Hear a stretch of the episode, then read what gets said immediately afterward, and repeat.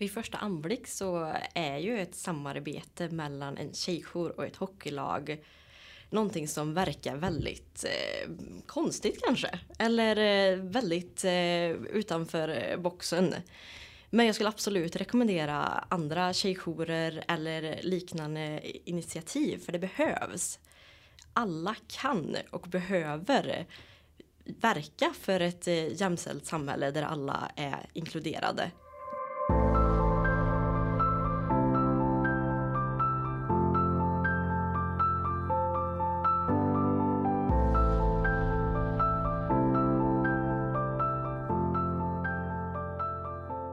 Hej och välkommen till Agera-podden. En podcast där vi på Agera Värmland tar upp frågor inom mänskliga rättigheter, demokrati och diskriminering. Allt med ett särskilt fokus på Värmland. Och den som leder samtalet idag är jag, Per Hydén, som är verksamhetschef på Agera Värmland. Och idag ska vi prata om destruktiva normer som kan leda till otrygghet, exkludering, psykisk ohälsa och faktiskt rena trakasserier eller övergrepp. Vi är många som under hösten har nåtts om nyheter eh, med mycket problematiska så kallade inkilningar inom hockeyn. Men som även finns inom många andra sporter. Och det är just inom idrottens värld vi kommer uppehålla oss idag. Och som tur är, är jag inte själv här i studion utan jag har två härliga gäster som ska prata med mig om det här. Varmt välkomna Emma Sällström och Patrik Fält. Tack för det. Tack så mycket. Du Emma är styrelseledamot och aktiv inom tjejjouren Miriam i Arvika. Ja, det stämmer. Och Patrik, du är sportchef för Arvika Hockeyklubb. Riktigt. Jättekul att ni har tagit er hit till Agera Värmland. Och ni två är ju här av just den anledningen att ni genomför ett initiativ kring just inkludering och destruktiva normer inom Arvika Hockey. Så jag tänkte först faktiskt vända mig till dig Patrik. Hur började detta? Ja, alltså det här började nog för eh, ett antal år sedan egentligen. Eh, då satt jag som styrelseledamot i Arvika Hockey och jobbade bland mycket annat med eh, matcharrangemang och lite grann hitta på olika saker i samband med våra herrmatcher. Eh, och då hade vi en tanke om att vi kanske ska viga några matcher på en säsong och uppmärksamma andra verksamheter i Arvika med omnejd eh, som vi tycker gör bra saker. Eh, att det kanske inte alltid behöver handla om Arvika Hockey utan vi kan faktiskt lyfta fram andra verksamheter. Och då var Miriam en av dem. Sen är det ju som det är lite grann med ideella föreningar. Tid räcker inte till, resurserna räcker inte till. Så att just det rann lite ut i sanden. Och blev väl egentligen inte eh, upptaget förrän jag började som sportchef här i april. Eh, och då hade jag samma tanke. Vi skulle genomföra någonting som skulle gå under begreppet engagematchen, alltså engagemangsmatchen. Mm. Där vi då skulle framhäva de här verksamheterna vi ville lyfta lite grann. I ungefär samma veva så uppdagades ju lite tråkigheter, eller rättare sagt stora tråkigheter, eh, uppe i Gävle. Där två hockeyspelare stod anklagade för bland annat misshandel och eh, våldtäkt. Och då kände jag att på ett vis är det kanske inte inte Miriam som behöver hjälp av oss utan här gäller det nog att sätta ner foten och visa var står vi i den här frågan. För det är ju inte första gången tyvärr och troligtvis inte heller sista gången som hockeyn som sport solkas ner av eh, den här typen av beteenden. Och Arvika är väl en förskonad förening just kring det här. Men det vore naivt att tro att det kommer vara så för alltid. Mm. Eh, och då tog jag kontakt med Miriam, eh, kom i kontakt med Anna Ströander eh, och började prata på att vi behöver nog få till ett samarbete där ni kan hjälpa oss i vägen fram, jobba med våra värdegrunder, jobba med att städa bort destruktiva normer och beteenden Uh, och hur gör vi det? Och jag var ganska uppe i, i varv när jag mm. körde för då var det så mycket på en gång. Så att, uh, men till slut kom vi in i ett uh, sansat samtal och började sätta en plan. Och för någon månad sedan nu så hade vi avstamp i det här då vårt herrlag satt ner med Miriam i upp mot två timmar. Och gick igenom en hel del bitar som jag misstänker vi kommer prata vidare om här i podden. Ja, och vad, vad spännande. Och också om vi gör en liten paus där och hoppa till dig Emma. Kan inte du bara berätta lite mer först om just Tjejjouren Miriam och eh, er verksamhet i Arvika? Ja, gärna. Men eh, Tjejjouren Miriam är en ideell organisation som eh, jobbar för ett jämställt samhälle fritt från våld. Där men alla är inkluderade och alla har lika möjligheter och rättigheter oavsett vem man är och vart man kommer ifrån helt enkelt. Och vår målgrupp är väl först och främst att stärka och stötta unga tjejer och kvinnor. Men vi jobbar ju även med, att, med kunskapsspridning, opinionsbildning. Men för att eh, kunna förändra. Och eh, vårt mål är ju egentligen att inte behöva finnas. Så vi jobbar ju egentligen för vår avveckling. Mm. Vilket är lite speciellt. Ehm, Precis, och hur, hur kan man kontakta er och hur ger ni stöd och så vidare? Det är nog väldigt eh, viktigt tänker jag att vi kan förmedla också. Hur, hur kan man få hjälp av, av eh, er tjejjour? Bland annat så har vi en chatt. Nu är det varje tisdag.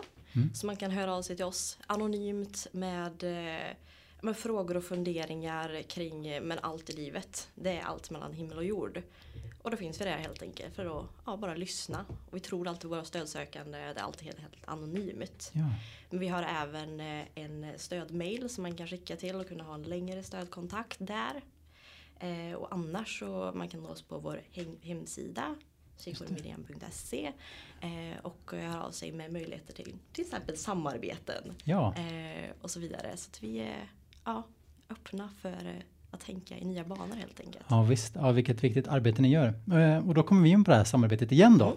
Eh, hur, hur var mottagandet från, från er sida då när, när Patrik hörde av sig och ni började sätta upp en, en plan? Hur, hur var reaktionen hos er?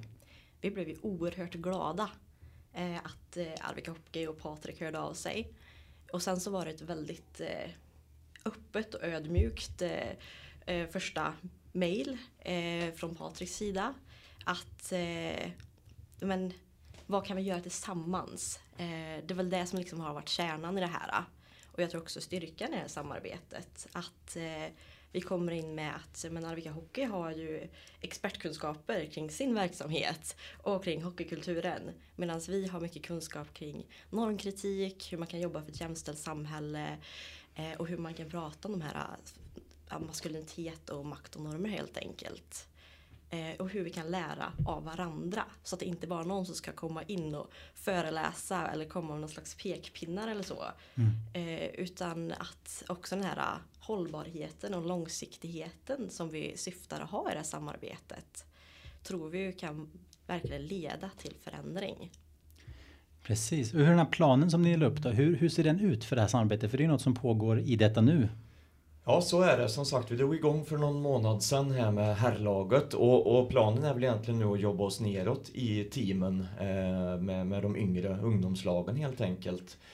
Eh, och eh, upplägget blir såklart lite anpassat efter publiken, alltså åldern på deltagarna. Eh, men sittningen är väl på mellan en och en halv till två timmar eh, där vi blandar eh, föreläsning från Miriam också med öppna diskussioner och workshops. Eh, få alla spelare att eh, tänka till lite grann eh, och, och gå in till sig själv, gå in till sitt eget lag och gå in till föreningen eh, och känna av hur, hur, vad ska man säga, hur kan vi påverka eh, till det bättre eh, med hjälp av de bitar som Miriam lyfter här i det här samtalet. Just det. Och hur, om man tar den här första sittningen, hur, hur har den eh, tagits emot och hur, hur var det tillfället? Ja, det- vad jag fick jag var själv inte med för min sittning kom ju Ja. eh, vad det lider eh, med styrelsen och, och med mig som anställd. Eh, men jag var väldigt noga med att få en riktigt ärlig åsikt från båda håll egentligen och den var genuint positiv. Vilket ju såklart var väldigt skönt för mig att känna att vi är någonting på spåren och att vi på något vis kan ransaka oss själva och gå in i det här med ett öppet sinne om att vilja nå förändring. Vi är ju i det stora hela en liten pluttförening. Eh, men det kan ju ringa på vattnet förhoppningsvis. Eh, upp, eh, uppmuntra till liknande samarbeten och på något vis eh, få andra verksamheter, om det är idrottsklubbar eller om det är andra typer av verksamheter och se över sitt eget hus lite grann och vidga sinnet lite eh, och, och, se vad det kan ge helt enkelt. Ja men exakt, ja, men det är precis därför också som vi tycker det är så viktigt att prata om det här och vill gärna lyfta upp ert exempel. För det är så himla inspirerande och just det här att man kan göra saker tillsammans och ta hjälp och sådär. Om Emma, hur, hur såg ni på det här första tillfället och vad, vad är det som ni faktiskt eh, tar upp och pratar om inom de här två timmarna?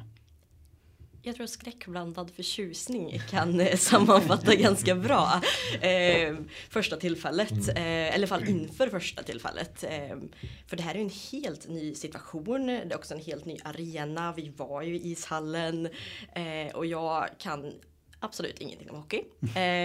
Kan jag ärligt säga. Så och sen så har man ju absolut själv även men, fördomar kring eh, hur man skulle kunna bli bemött eller eh, hur eh, man hade något så här worst case scenario att eh, någon skulle sitta liksom armarna i kors och mm. tänka men vad är det här för eh, feminister som ska komma här och säga åt oss vad vi ska göra. Eh, men så var det absolut inte det var ett väldigt fint mötande, otroligt men respektfullt och eh, jag känner mig oväntat hemma där i det här rummet. Eh, jätteotippat men väldigt roligt. Och eh, det blev väldigt många men fina samtal och det var framförallt en öppenhet i att men, ta till sig och lyssna på det vi hade att säga. Mm. Och en slags nyfikenhet. Sen såklart det blev inte världens mest pratiga eh, grupp så. För att det här var ju första gången vi träffades. Mm. Så klart att det en ny arena för dem också. Ja, eller hur? Eh, som satt med. Och jag tror som du är inne på där Emma att eh, just, eh, jag tror många spelare och, och, ledare som var med på första sittningen kanske också hade bilden av att nu kommer vi sitta här och få pekpinnen mot oss. Att det här har ni gjort fel, ni ska göra så här istället. Eh, men jag tror just när det öppnar upp till ett, eh, till ett, ett tvåvägssamtal, eh, när man bjuder in och vill diskutera, så, så liksom sjönk axlarna lite och man mm. kunde slappna av och, och, faktiskt få till någonting bra. Och det tror jag, utan att vara på plats, så tror jag det skedde ganska snabbt ändå in i, i sittningen. Mm. Vilket ju var såklart en bra start. Ja, mm. men absolut. Mm. Jag hade en väldigt positiv känsla när vi gick därifrån. Eh, och väldigt peppad på att men, träffa de andra lagen mm. och även få men, träffa A-laget förhoppningsvis i framtiden med. Så man mm. kan bygga vidare på det här. Eh, och eh,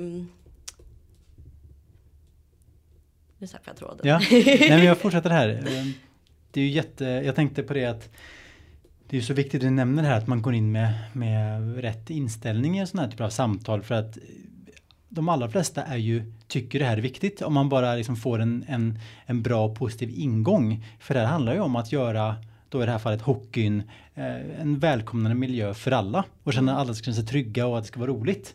Det handlar inte om att ta bort massa, eh, en, en, allting som är, som är roligt med hockey, utan tvärtom att man kan faktiskt fortsätta behålla det som är, som är bra inom lagidrott och gemenskap tänker jag och allt det här. Men att det kan vara värt att ställa sig frågan ibland att finns det beteenden som gör att en del personer faktiskt inte känner sig välkomna här. Mm. Eller faktiskt känner, känner, att man mår dåligt och det finns beteenden som, som faktiskt vi inte behöver. Eh, mm. Så om vi går in på sådana typer av, av eh, normer. Du nämnde Patrik att ni har inte upplevt så stora problem i alla fall som, som ni vet om inom Arvika Hockey. Men vad kan det finnas för, för destruktiva normer, tänker du och ni? Här? Ja, men jag, jag känner generellt så här när det här samarbetet började diskuteras så, så blev, från min sida så tänker jag att okej, okay, nu kommer det bli mycket fokus på den här machokulturen som man hela tiden pratar om i hockeyn. Och det är ju såklart en del i liksom en, en destruktiv eh, norm som råder. Men Miriam är ju, det är ju därför vi tar in hjälp liksom för att, att vidga sinnet liksom. Det, vi kan inte bara lägga fokus på machokultur. Utan just det här som de lyfte med, med maktstrukturer i en förening. Eh, med, med andra typer av, av beteenden som också är skadligt för, för gemene man i föreningen och för föreningen som helhet. Eh, och det är väl det just jag menar att man liksom ska komma in med ett öppet sinne och inte bara tro att man ska bli utpekad som en, en machoperson som ställer till det för föreningen utan det kan finnas andra typer av problematiska beteenden och kulturer som råder i en förening också. Och just det här med, med maktstrukturen var, var intressant att känna på lite mer liksom och tänka i de banorna. Ehm, eh, och ja, jag nöjer mig nog där. Emma, vill du ta vid där just kring det här med de här eh, maktstrukturerna och frågor som, som går utanför den traditionella diskussion kring, kring machonormer som vi ofta pratar om eh, inom idrott och sådär. Det var just eh, maktnormer och maskulinitet som vi bestämde skulle vara den övergripande tema och ledorden för den här första workshopen. Det var inte helt lätt att komma till det för vi var så här, nu fick, vi fick ju väldigt eh, fria tyglar från Patriks sida och stort förtroende vilket vi väldigt uppskattar om vad vi just ville prata om. Och vi var inne på alla möjliga spår och vi ville ju prata om allt. Det finns ju så mycket spännande och mm. viktigt att prata om helt enkelt. Men eh, vi försökte koka ner det till att ja, men, eh, ja, men maktstrukturer, normer, vad det är, hur man kan förändra dem, positiva och negativa och även maskulinitet. Vad är det och hur har det också förändrats och positiva och negativa sidor av det. Så när vi pratar om makt så är vi först inne på lite med vad, vad är makt och hur kan det uttryckas. Eh, vi tryckte väl även på att eh, men A-laget har ju faktiskt en stor makt inom föreningen att sätta normer och värderingar. Det är ju de som eh, de yngre spelarna ser upp till. Jag vet, jag var faktiskt och kollade på en eh, AOC-match nu. Försöker lära mig lite här. så att jag försökte lära mig alla ja, termer och regler. Eh, och det var ju så himla fint att se de här småkillarna som stod bakom eh, målet precis bredvid rinken. Ja. ja. och med så himla stora ögon och bara var så här wow, där vill jag vara en dag. Och det är ju det som är så himla fint med det här. Att det finns ju en så enorm sammanhållning, kamratskap och det enar och förenar.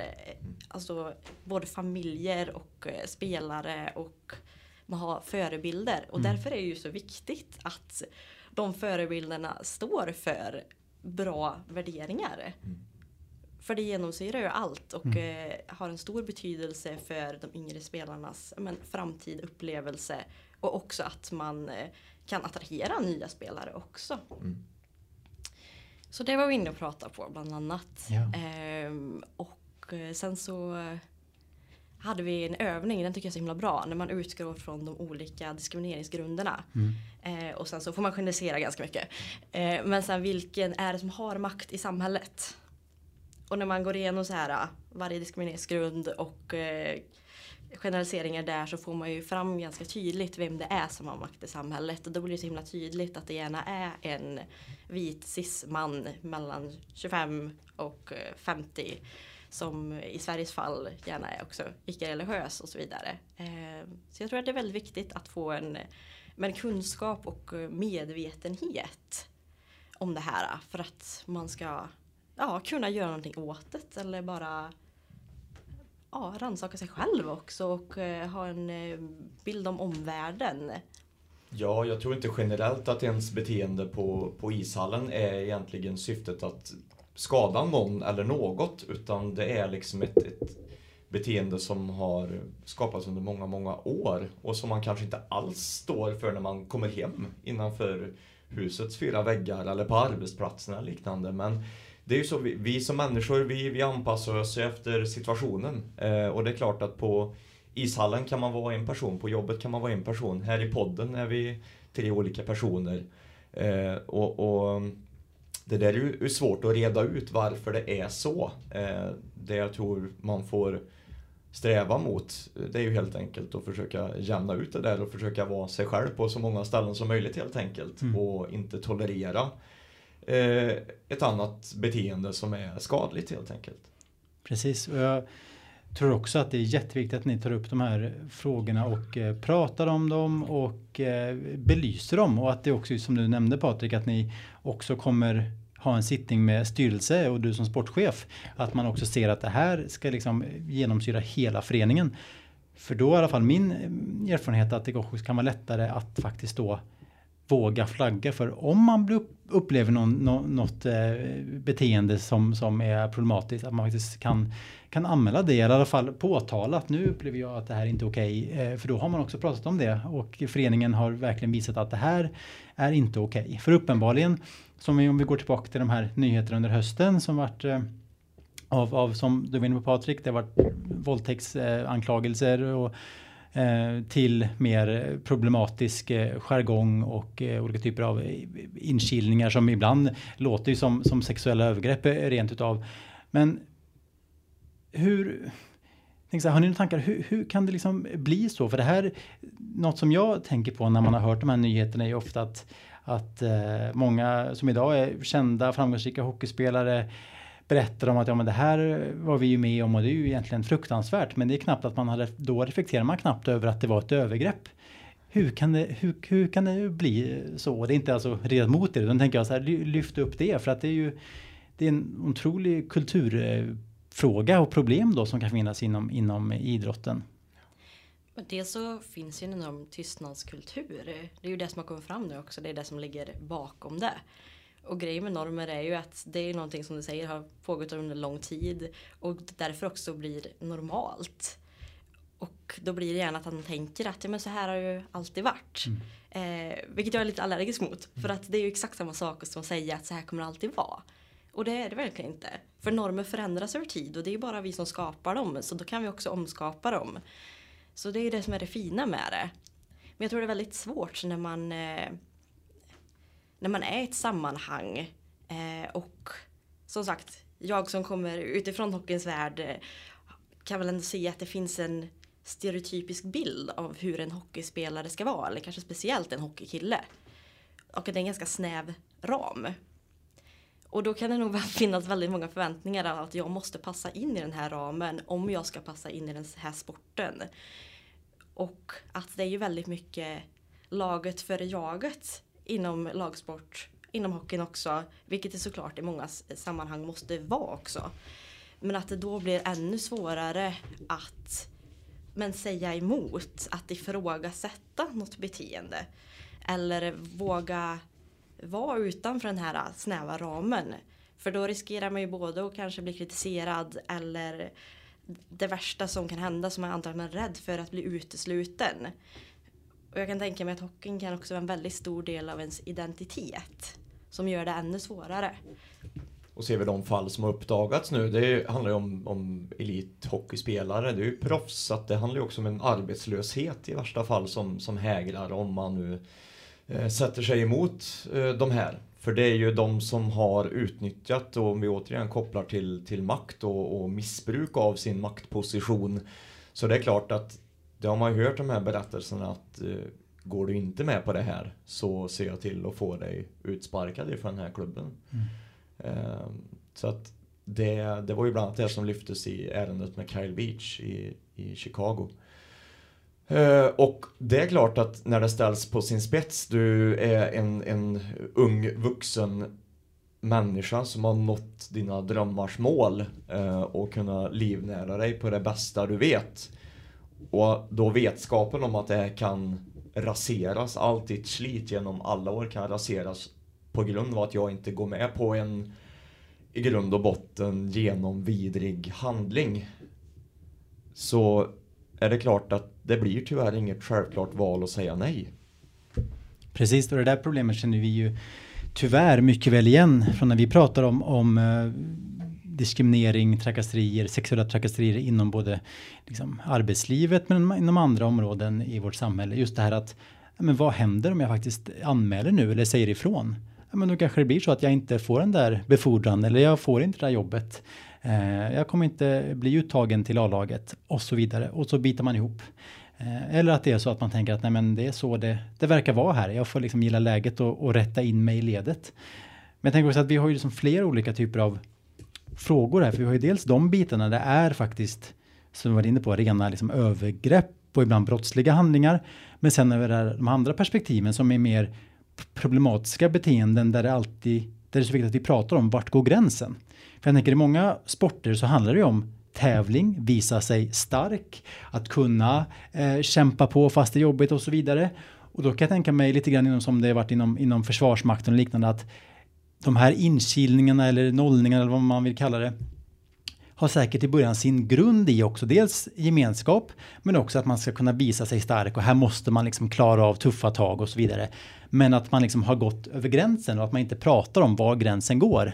Eh, och det får bli intressant att höra hur, hur ni resonerar där för någonstans har det bara blivit så att, att gränsen förflyttas utan att man har en, en diskussion kring det och så plötsligt så är vi, har vi hamnat på helt fel spår som gör att, att eh, barn och unga och även eh, vuxna mår väldigt som dåligt av sådana beteenden. Jag tror en del just det här med att gränser flyttas fram, det kan också vara lite grann kopplat, upplever jag, till att eh, lyckas inom någonting. Alltså vad innebär det att lyckas? Eh, som hockeyspelare till exempel då, är det att man blir proffs till exempel? Att man blir hockeyspelare på heltid? Då är det ju väldigt, väldigt få som lyckas inom hockeyn. Skulle lyckas kunna vara till exempel att man hittar en passion för livet, för just sporten.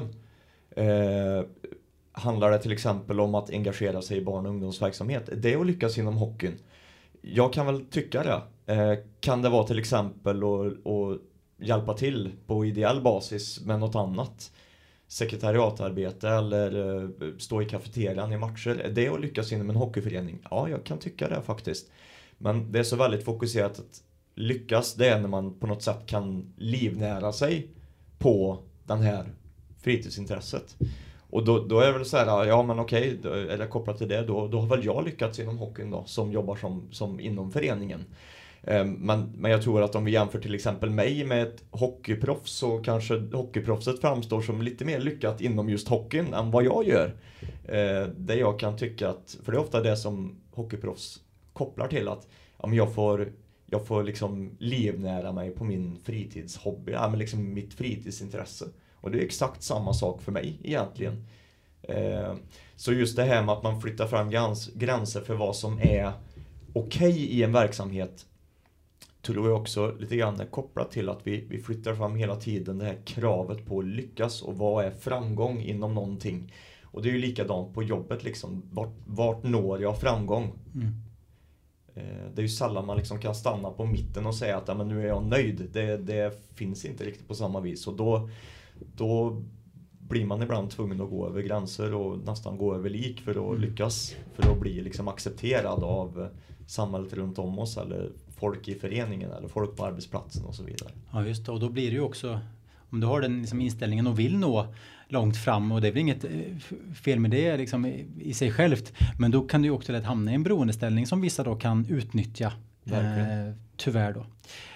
Jag tänkte Emma, eh, inom en hockeyförening så finns det ju många olika typer av eh, roller och sådär. Har ni pratat någonting om det? För jag tänker att det är väldigt viktigt att, att man får med liksom alla på, på tåget här och med i diskussionen, inte bara de som är aktiva utan även då eh, liksom, funktionärer och ledare och föräldrar kanske och sådär. Har ni haft några diskussioner kring, kring det? Ja men det har vi absolut haft. Eh, och en av eh, anledningarna till vi gick med på det här eller ville göra det här och var ganska tydlig med i början var att men då vill vi börja från toppen. Att vi måste börja med A-laget. Det räcker inte med att men, gå in och kanske ha någon punktinsats med något yngre lag. För om inte vi visar att A-laget är med på det här. A-laget tycker också det här är viktigt och eh, vill vara med på det här samarbetet. Då kommer inte de yngre heller ta åt sig det. Men även också styrelsen eh, och ledarna är ju på gång, är också planerat framöver att vi ska prata med just för att det måste liksom genomsyra hela organisationen om det ska bli någon förändring. Så det är väl det att man börjar mm. från toppen, får med alla på tåget, får att alla har den här gemensamma värdegrunden och eh, viljan att våga prata om de här frågorna. Mm. För det är där det börjar egentligen, att man eh, dels får kunskap och sen vågar öppnar upp för de här samtalen. De är inte helt enkla, men de är väldigt viktiga. Mm. Ja men precis, för jag tänker just det att det är ju jätteviktigt att ni, ni försöker liksom nå hela föreningen så att också för menar, kulturen tänker jag också, eller sån här kultur kan ju finnas också inom hela föreningen och det är inte bara eh, en person eller några personer som driver det här utan det är ju många olika delar och jag tänker att eh, det är jätteviktigt då att, att Ja, men som ett exempel, jag kan tänka mig att, att eh, det kan vara ett problem ibland med, med, det är kanske min fördom och min erfarenhet från när jag var ung och, och liksom inom idrotten att, det, att föräldrar kan också ha en ganska stor del i sån här destruktiv eh, kultur, med hur man beter sig mot eh, domare eller vad man använder för språkbruk och så vidare. Det är bara en dimension av det här men som också är en, en viktig del i det. Så att man kan få en, och det kanske tar tid men att man, man faktiskt försöker jobba eh, mot liksom alla som är aktiva på något sätt och kommer till föreningen och, och sådär. Ja, verkligen. Och, och, som du är inne på, just beteendet generellt kopplat till idrott kan ju vara problematiskt. Alltså, ta bara vad en, vad en domare i valfri sport får utstå på en match till exempel. Mm. Eh, när det är så mycket som står på spel som folk upplever. Eh, när det egentligen bara är idrott, säger jag. Bara inom citationstecken. Eh, det ser vi inte på någon annan del i samhället. Jag, väldigt sällan jag har sett någon eh, till exempel stanna sin bil bredvid en polis som har stannat någon som kör för fort och skällt ut den polisen för att han gör sitt jobb. Mm. Men det är ju direkt jämförelse med en domare till exempel som är där och försöka hjälpa till att genomföra en match. Mm. Och får utstå liksom hat och hot från läktare, från spelare, från ledare, tränare mm. och så vidare. Så att det är väl återigen det här med normer, vad som är accepterat på en, i en arena och jämfört med övriga samhället. Och det är klart att eh, idrotten har sina problem och en arbetsplats kan ha sina problem och samhället i stort kan ha sina problem. Eh, men det är ganska fascinerande och lite läskigt på sina håll. Ja men exakt och det där tycker jag är så Viktiga vi också tar upp här. Men jag älskar ju sport rent personligen och tycker amerikansk fotboll är något av det roligaste att titta på. Och de, de här känslorna känner jag ju också. Jag kan ju bli fly förbannad när, när ett domslut, vad jag tycker då är helt eh, fel och mitt lag förlorar på grund av det. Uh, men därigenom inte sagt att jag behöver stå och skrika massa könsord liksom när jag kollar på matchen eller, eller så. Eh, särskilt då inte, men en sak är vad man, vad man i sitt eget hem vad man säger, men när man är liksom bland andra människor där det också finns ungdomar och ibland också när domare är ungdomar själva. Eh, men att, att man, det, det här handlar ju inte om att ta bort de här härliga känslorna inom, inom sporten. För där måste vi kunna få känna både glädje och ilska och så. Det är ju en del av passionen inom idrott och det här med tävlingsinstinkt och sådär. Men att fråga oss, finns det bitar, finns det beteenden som faktiskt är ja, rent destruktiva som, som man kan hantera på ett annat sätt som, som får att, att liksom bli bättre. Tänker jag. Det är väl det, det hela det här handlar om och inkluderande istället. Intressant att du lyfter just det här med glädje och ilska som känslor man ska få känna kopplat till idrott. Och det tycker jag absolut. Men det problemet är väl lite att det är de andra känslorna som inte jag kan att känna. Som men att man är ledsen eller ja, men de här mer negativa känslorna. Eller som vi, det är ju väldigt dumt att vi gör det, men vi eh, sätter någon etikett på att de är negativa och de är inte okej. Okay. Och det är väl en av de problematiken med just den här äh, snäva normen som också är kopplat till äh, det destruktiva i machokulturen att alla känslor är inte tillåtna. Just eh, aggressivitet eller ilska är okej okay att känna. Och att eh, vara glad är okej. Okay. Men vad händer om du blir sårad över att någon säger någonting eller att du är ledsen en dag. De känslorna är generellt inte tillåtna.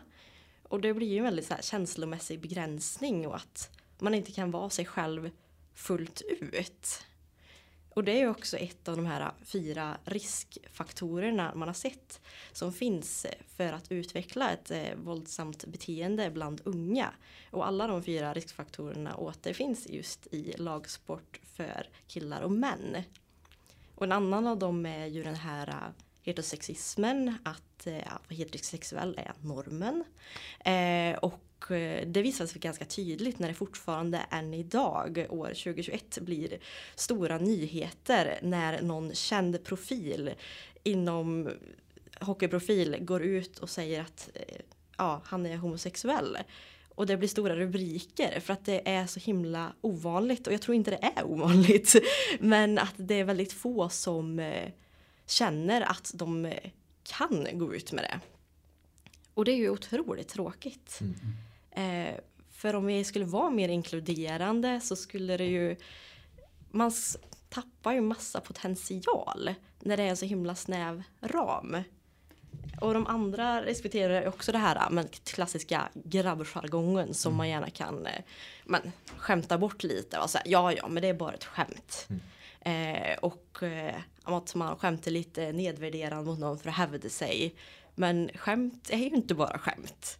Det kan man ju se i den här våldspyramiden att eh, skämta sexistiskt eller homofobiskt, rasistiskt. Det är ju liksom det som är grundstenen som sen trappas upp för det gör ju att det, de värderingarna och det beteendet normaliseras som sedan blir värre handlingar som ja, i slutändan leder till exempelvis övergrepp.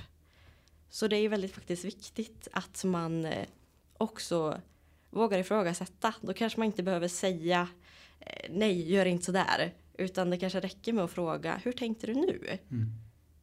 Så att personen i fråga bara säger, okej, nej, det där kanske inte var så bra. Precis. Ja, jag läste något, eh, jag vet inte faktiskt vem det var som skrev det här, om det var på någon Twitter eller sådär. Eh, just hur man kan eh, bemöta någon om någon skämtar eh, sexistiskt eller rasistiskt och bara vara så helt frågande. Sådär att, ja men nu, nu förstod jag inte. Sådär. Och så liksom att personen då, sådär, ja men jag bara skämta. Men vad var det som var kul? Mm. Och det kommer egentligen ingen kunna liksom förklara Nej, egentligen för det nej. är ju inte roligt Nej, så. Alltså när man skämtar så sexistiskt. Och just det där kring det du sa Emma här att säga, ja men det är bara ett skämt. Det är ju något som vi också möter väldigt ofta när vi är ute på skolor eller arbetsplatser och sådär och pratar om, om de här bitarna. Eh, och just att kunna få upp det, ja men för dig kanske det bara är ett skämt. Men för den personen som du skämtar nu om, om den personens religion eller sexuell läggning kanske får höra såna här små roliga skämt varje dag. Då är det inte liksom så kul längre. Eller? Och ofta är det ju inte bara ett skämt utan det är, det är ju ändå menat någonstans till, till att pika lite grann och att visa att du är inte riktigt med i gänget eller du ska komma ihåg din plats. Och det gör mig också väldigt så här, jag tycker det är så inspirerande eh, att höra dig Emma eh, att säga också att ni tittar liksom på på så många bitar. Det är inte bara kring så här, den här matchkulturen som också är klart jätteviktig att prata om. Men det är också kring eh, många olika diskrimineringsgrunder. Man kan prata om olika typer av maktstrukturer. Och också bara en sån sak som känslor. Och prata och få känna. Det är väl extremt viktiga saker. Eh, och för oss alla som, som människor tänker jag. Det, ja, jag hoppas verkligen att det här kan eh, sprida sig, det här goda exemplet som, som ni visar på. Och vi ska väl börja gå mot ett, mot ett avslut här. Det är jätteintressant att prata. Men vänder mig till dig Patrik. Vad, om du ser liksom Arvika Hockey nu i framtiden. Vad, vad önskar ni uppnå med det här? Och vad, vad ser du? Vad är din liksom vision för, du som är sportchef, för Arvika Hockey kring inkludering och trygghet? Nej men i, i grund och botten, vi, vi bedriver verksamheten för att engagera så många som möjligt. Det är ju på något vis de flesta föreningars mål. Vi, vi vill ju ha så många medlemmar som möjligt, så många aktiva medlemmar som möjligt. Eh, få barn, ungdomar, vuxna och hitta samma passion som vi har för den här sporten. Och bedriver då verksamheten på ett sätt som kan tes problematiskt i vissa avseenden så det är klart att då kommer vi inte kunna lyckas locka till oss eh, ens liksom ett uns av eh, totalen. Eh, så att i grund och botten så handlar det om att hitta en trivsam miljö, skapa en trivsam miljö ute på ishallen där alla kan känna sig välkomna. Och det blir ju gärna så när man pratar om ishockey som en mansdominerad sport och så pratar man om att nu ska vi, nu ska vi liksom få eh, tjejverksamheten att växa för då blir vi en inkluderande eh, eh, förening. Ja, absolut, det, det blir vi ju till en liten, liten del. Och bjuda in tjejer är ju ett steg, det är ju en ganska självklar grej egentligen som inte har varit så självklar i hockeyn. Men, men just de här andra bitarna som vi har berört under det här samtalet och även liksom i, i diskussionerna med, med Miriam och som vi kommer beröra framåt också. Det är, ju, det är ju de bitarna som jag tror blir viktiga för det är ju inte så att vi har lyckats att få in alla killar i föreningen. Ehm, och vad beror det på då till exempel? Så det är en sak. Sen det andra som jag vill få ut av det här det är att det inte bara blir i år utan att det här är ett arbetssätt vi jobbar vidare med under, ja för all framtid om jag får bestämma. Eh, för i och med att vi kan anpassa samtalet efter målgruppen som vi träffar så det är klart att då blir det ju alltid någonting nytt va. Alla barn blir ett år äldre och det kommer in nya spelare i herrtruppen och eh, det är väl så att man behöver fräscha upp minnet ibland kanske och känna av att just det, det här var någonting som vi ville försöka jobba på och hur har jag varit det här året sedan vi pratade sist och så här. Så att man liksom, det blir ett levande samtal som pågår eh, året runt istället för en sittning en kväll i, i oktober. Eh, så, så det hoppas jag också på att det här är egentligen bara startskottet för dels för oss och Miriam men att det också ska sprida sig. Eh, på sommaren ska man få höra om en fotbollsförening eller en orienteringsförening som, som tar sig an ett liknande samarbete. Mm. Eh, det är vad jag hoppas på. Ja, ja, det hoppas jag också på. Det här är ju som jag nämnt, ett otroligt gott exempel från Värmland som, som man kan peka på det ni gör nu. Och det är ju otroligt bra också med den här långsiktigheten som ni har. För det är ju också något som vi ofta möter och ofta trycker på i utbildningar. Att det här med när man undersöker risker för eh, ja, diskriminering eller sexuella trakasserier eller ah, dålig arbetsmiljö överlag så ska det inte bara vara en punktinsats som det kanske ofta är att det blir en check så att ja men nu har vi haft lite sånt tema. Och det är klart det är bättre än ingenting. Men eh, både vad liksom lagen säger och hur man ser att man når framgång är ju att ha det, det, det är en resa man gör kontinuerligt. Att man alltid ska ha med de här perspektiven och de här samtalen eh, på arbetsplatsen, i skolan, i idrottsföreningar eh, för att se till att, att alla ska kunna må bra och känna sig trygga. För det är ju också som ni varit inne på båda två, så det här är ju också såklart det är ju en rättighet att kunna eh, vara fri från, från trakasserier och diskriminering och kunna vara trygg eh, och så vidare. Så det är, det är det som är grunden förstås. Men man ser ju sen också att alla mår ju bättre av det. Att det blir så. Det blir en mer välkomnande miljö. Eh, alla känner sig eh, sedda och inkluderade och då blir ju det roligare att spela hockey för, för alla. Tror jag. Så det är ju ja, jätteinspirerande. Jag vill också skicka frågan till dig eh, Emma. Hur, hur ser du nu på eh, framtiden och hur ser ni eh, inom Tjejjouren Miriam eh, på det här samarbetet? Och är det något som ni tipsar andra tjejjourer om att göra likadant? Vid första anblick så är ju ett samarbete mellan en tjejjour och ett hockeylag någonting som verkar väldigt eh, konstigt kanske. Eller eh, väldigt eh, utanför eh, boxen. Men jag skulle absolut rekommendera andra tjejjourer eller liknande initiativ för det behövs. Alla kan och behöver verka för ett eh, jämställt samhälle där alla är inkluderade. Det behövs och alla kan göra någonting. Och vi är liksom två små föreningar eh, i Arvika som också är en liten stad. Men, eh, men Arvika Hockey har en stor inverkan i staden Arvika. Eh, och eh, det kan ju absolut ge ringar på vattnet. Och det är det man kan göra. Men vad kan jag göra? Det behöver inte vara stort men det kan vara något litet. Eller bara ta ett samtal om eh, ja, maskulinitet, normer och makt med andra i närhet. Det kan börja där med. Och när vi började det här samarbetet så var det ju det första vi kom att tänka på eh, var ju såklart hur vi skulle prata på det här kring eh, konsekvenserna som vi möter av destruktiva mansnormer i vår stödchatt och i vårt kunskapsspridande. Men sen så insåg vi ju väldigt snabbt att det är ju minst lika många negativa konsekvenser som också påverkar såklart spelarna negativt eh, och män och killar överlag. Som jag inte tror att man är medveten om. Man pratar väldigt mycket om mäns våld mot kvinnor, vilket är ett enormt stort samhällsproblem. Men mäns våld mot män är minst lika utbrett. Och det pratar man inte lika mycket om. Och det, det, är väl där den här stora tystnadskulturen ligger bland annat. För att man ska vara en riktig man och man ska inte visa känslor och man ska inte be om hjälp, man ska klara sig själv. Och det är ju det som är det enormt destruktiva. Och där de ultimata konsekvenserna blir att förra året så var 72 procent av de som dog i suicid var killar eller män. Mm. Och det måste vi göra någonting åt, det är ju livsviktigt.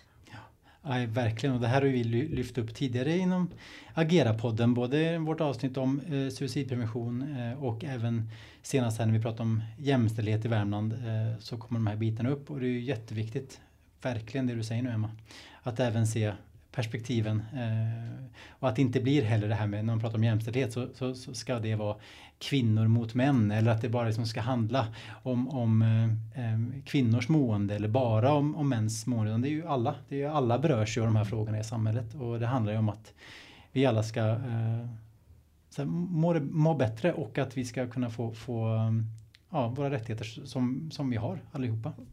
Men alla vinner ju på ett eh, jämställt samhälle mm. där vi är mer inkluderade och har större mångfald på alla plan. Verkligen. Precis, och det är viktigt att vi i Värmland verkligen jobbar aktivt med de här frågorna som ni nu gör och visar ett fantastiskt exempel på. Hörrni, det märks att vi skulle kunna sitta länge och prata om det här, eh, men vår tid börjar lida mot sitt slut. Tusen tack Patrik Fält och Emma Sällström för att ni ville vara med i Agera-podden. Tack ska du ha Per. Tack för att vi fick komma. Och tack även till dig som har lyssnat. Kolla gärna in Agera Värmland på sociala medier. Du hittar även mycket information på agaravärmland.se. Hej då!